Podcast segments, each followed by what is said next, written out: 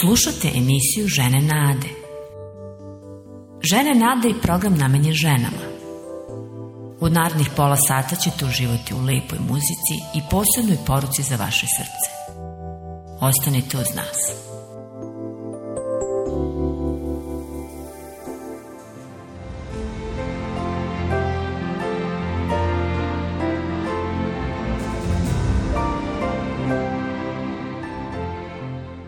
Dobrodošla u program Žene Nade. Ja sam Bilja. Baš je dobro što smo ponovo zajedno. Ja sam Tanja i meni je drago što mogu da budem sa vama u današnjoj emisiji. Nadam se da ćemo i ovog puta naučiti nešto važno.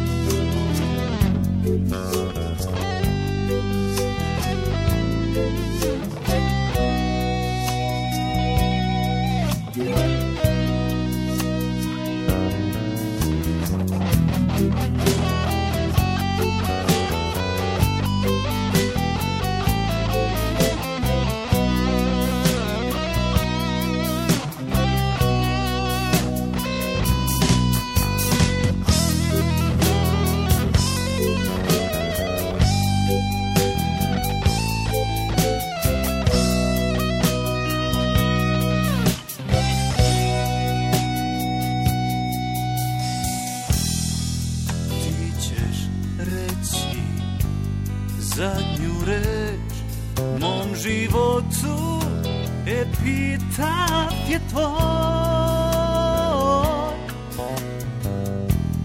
Pepeo i prah Biser i sjaj Sve sam bio Al sada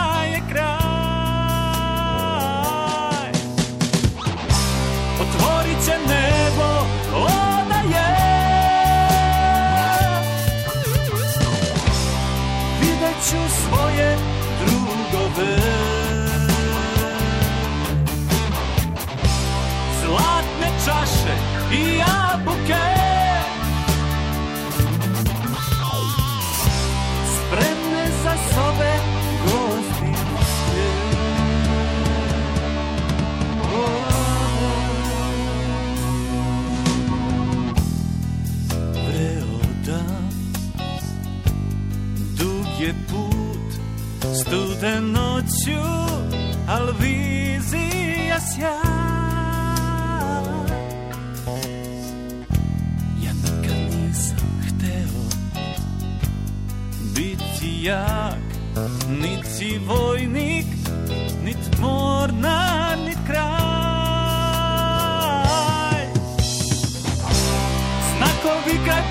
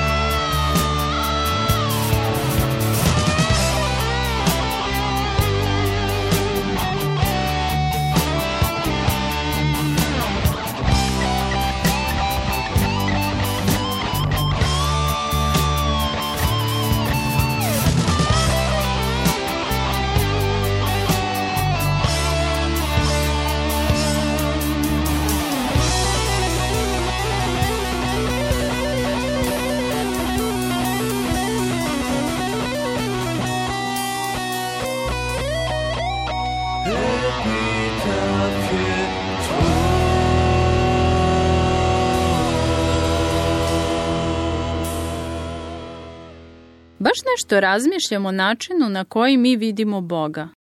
Kako zaista znamo kakav je? Vidimo ga u ogledalu? Ne. Kako onda znamo bilo šta o njemu? Svaki put u emisijama Žene nade mi otvaramo sveto pismo, Bibliju, koja je Božja reč. Pričat ćemo o Davidu, pastirčetu koje je postalo car i vodilo sav narod Izraela. Znao je mnogo o Bogu i napisao prelepe pesme o njemu. Danas ih imamo kao psaltir u Starom Zavetu. Ali često je strepeo zbog mnogih stvari koje je doživljavao. Često bi se pitao nešto ovako. Zar s vojskama našim, Bože, više ne koračaš? Psalam 60, 10. stih. Nekom drugom prilikom je bio sav slomljen nevoljama. Ovako je vapio Bogu. Svoje lice ne skrivaj od mene u dan nevolje. Uho svoje prigni meni. Ti požuri, usliši me u dan kada te zovem. Povazdan mi se rugaju dušmani, imenom mojim proklinju onih koji me ruže. Pepeo jedem kao da je hleb. To što pijem sa suzama mešam. Zbog tvog gneva i ljutine tvoje, jer si me podigao, pa onda bacio. Kao senka blede dani moji, ja sam kao trava sparušena. Psalam 102. od 2. do 11. stiha. Ponekad sednem iza svega i zavirim u srca ljudi njihova lica ponekad gledam i ne vidim mnogo jer nemaju mnogo ponekad prođu sa zastavama i sa ukočenim osmesima sa ožiljkom na čelu i sa tužnim pogledom sa umorom u kosi ponekad viknem na prolaznike i zaplačem na glas što ne veruju u onoga koji je umro za nas i onda vidim tajno kako polako nestaje kao nepoznata ptica koja je odletela daleko. A Isus ti kaže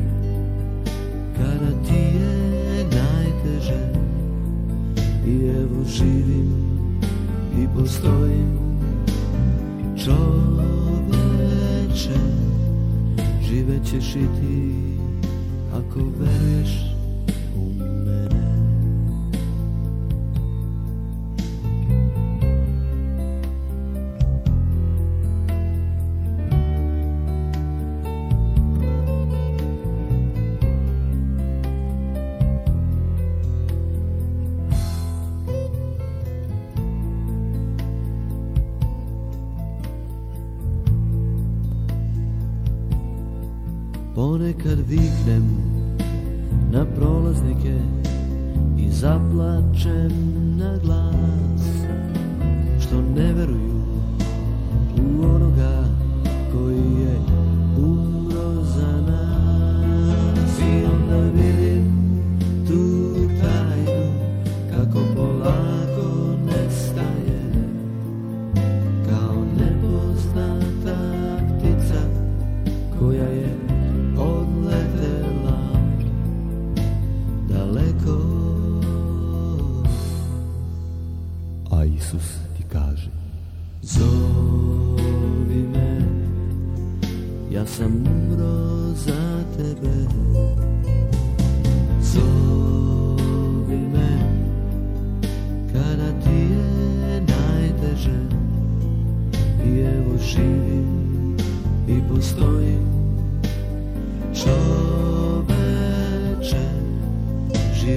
решить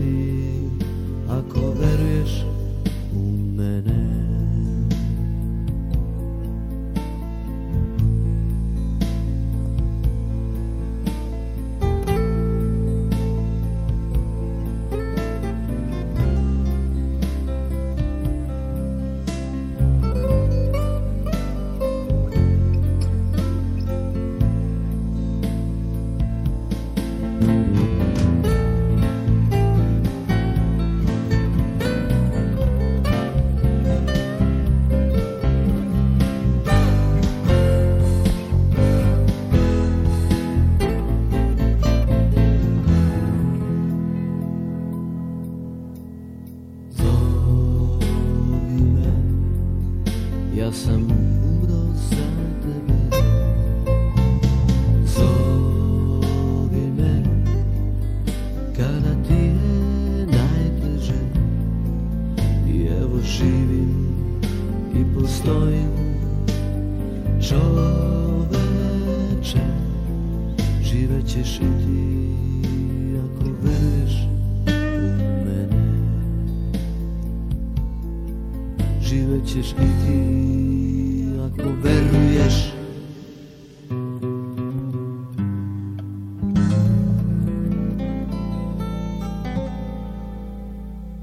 Ali David je bio očajan zbog nečeg drugog. Lomilo ga je saznanje o tome ko je Bog istinski.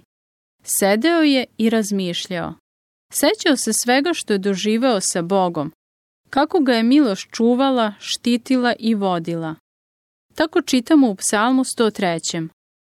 Blagosiljaj dušo moja gospoda ime mu sveto sve što je u meni. Blagosiljaj dušo moja gospoda, ne zaboravi sva dobročinstva njegova. On ti krivice sve tvoje oprašta i leči ti sve bolesti tvoje. Od propasti spasava ti život, ovenčava milošću i milosređem. Život i dobrotom hrani, mladost ti je sveža ko u orla. Milostiv i milosredan je gospod, dugotrpljiv, bogat milosređem.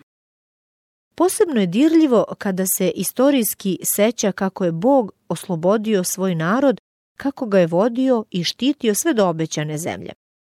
Čitamo u istom psalmu, puteve je svoje otkrio Mojsiju, dela svoja deci Izraelja. O tome čitamo i u istorijskoj knjizi Izlazak, to jest druga Mojsijeva, 31. i 32. poglavlje. Nakon što su izašli iz Egipta, nakon što je Bog oslobodio narod čudesima, stigli su pod nogore Sinaj. Bog je pozvao Mojsije da se popne, da bi mu dao zakon u obliku deset zapovesti. Bila su to prva pravila života za sve Izraelce. Ali izveštaj nam kazuje da je narod postao nestrpljiv, jer je Mojsije gore ostao 40 dana. Mislili su da su napušteni. E, tada su usvojili iskrivljenu predstavu o Bogu. Pošto ga nisu videli, odlučili su da ga naprave. Sećate se te priče?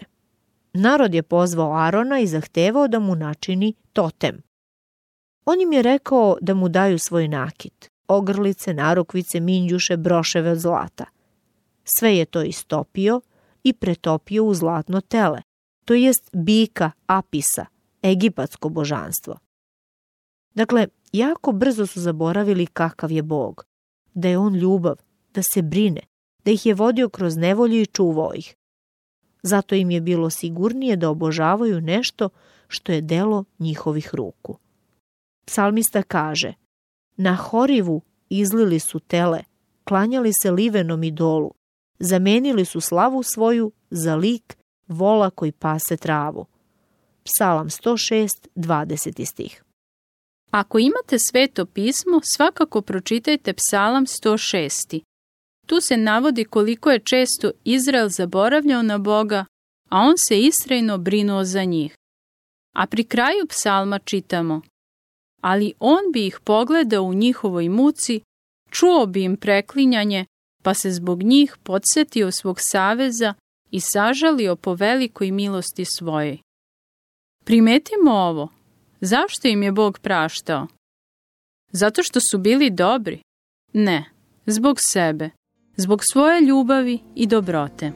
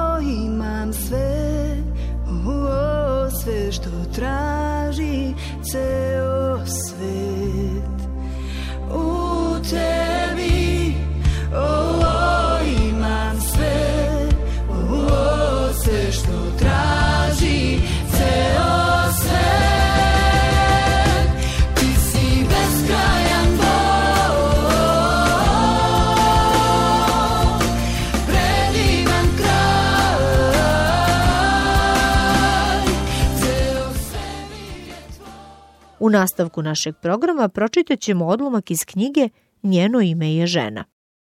Nastavljamo temu od prošle sedmice, da posmatramo lik udovice iz Sarepte. Od ove žene iz neznabožačkog naroda tražilo se da učini veliki korak vere. Pred nju je stavljen izazov da poveruje reči čoveka onda kada nije imala nikakav dokaz da je on čak i sluga Boži.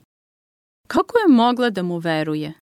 Međutim, u glasu tog čoveka osetila je autoritet. Odlučila je da preuzme rizik. I kada je nahranila proroka, i dalje je bilo brašna i ulja za nju i njenog sina. Vera se ne može odvojiti od objekta u koji se veruje. Bez pouzdanosti objekta, vera postaje neobuzdana emocija ili pretpostavka bez ikakvog obećanja koje će je održati. Vera se ne može odvojiti od reči Božje. Ovo čudo se ponavljalo mnogo dana. Iskustvo je bilo slično onome koje su Izraelci doživljavali u pustinji. Bog se stalno brinuo za njihov hleb. Ovo je za njenu veru postao svakodnevni izazov. Hrane je bilo tako malo, tako da nikada nije mogla da je uštedi i da se pouzda u to. Mogla je jedino da se pouzda u Božje obećanje. Tako, svakoga dana, od nje se tražio jedan čin vere, vere u reč koja joj je bila izrečena. I svakoga dana ona, njen sin i Ilija doživljavali su čudo, jer svakoga dana bilo je dovoljno da njih troje jedu. Ovo se ponavljalo mnogo dana. Njena vera se ukotvila u Bogu. A onda se desilo nešto što nije mogla da razume. Ilija je došao da živi u njenom domu, koristio je sobu na spratu. Pisac jevrejima poslanice kaže da je gostoljubiva osoba može da ugosti i anđele, a da toga ne bude svesna. To je bilo i njeno iskustvo. Anđel smrti koji je užurbano radio u vreme gladi nije zakucao na njena vrata i ona nije postala njegova žrtva. Zato je bilo potpuno neshvatljivo zašto se njen sin iznenada razboleo. Čak i pre nego što je uspela da kaže proroku, sin joj je umro. Nije shvatala. Zašto je Bog držao dete u životu za vreme gladi, da bi onda dopustio da umre? Smrt je vrebala svoju priliku iz sasvim drugog ugla. To ju je zbunjivalo. Kroz prisustvo svetog čoveka u svojoj kući, ova žena je shvatila da je grešna. Da li je zbog toga njen sin umro? Da li je greh tražio kaznu? Proroka je suočila s tim pitanjem. Bila je očajna. Daj mi tvog sina, rekao je Ilija. Uzeo je mrtvog dečaka, odneo ga u sobu i stavio na svoj krevet. Zatim se sa Bogom rvao u molitvi za dečaka. O gospode Bože moj, zar si u nesreći u ovu udovicu kod koje sam se hranio, ubivši joj sina? Vrati dušu ovom detetu, vapio je, dok se pružao nad detetom tri puta. Izgledalo je kao da svoj život i toplinu svog tela želi da prenese u to hladno, nepomično telo dečaka. Na njegovu neizrecivu radost Bog mu je uslišio molitvu. Video je kako se život vraća u dete. Majici je vratio živog sina. Umeđu vremenu, udovica je imala krizu vere. Čudo umnožavanja hrane ojačalo je njenu veru. Prorok je bio u pravu. On je stvarno govorio reč Božju. Mogla je da mu veruje. Nikada ranije to nije iskazala rečima. Bila je tako obuzeta trenutnom dramom, tako zarobljena iznenađenjem i šokirana da nije mogla da shvati da je Bog za nju činio nešto divno. Duboka patnja treba da podstakne veću veru. Međutim, takva vera mora prvo da se proveri. Bog želi da zna njenu vrednost, pa zato dopušta patnju. Vera koja ostaje nakon testa patnje jeste čista. Kasnije, kada se glad okončala, ona se u sećanju vraćala u te dane i doživljavala dupli blagoslov.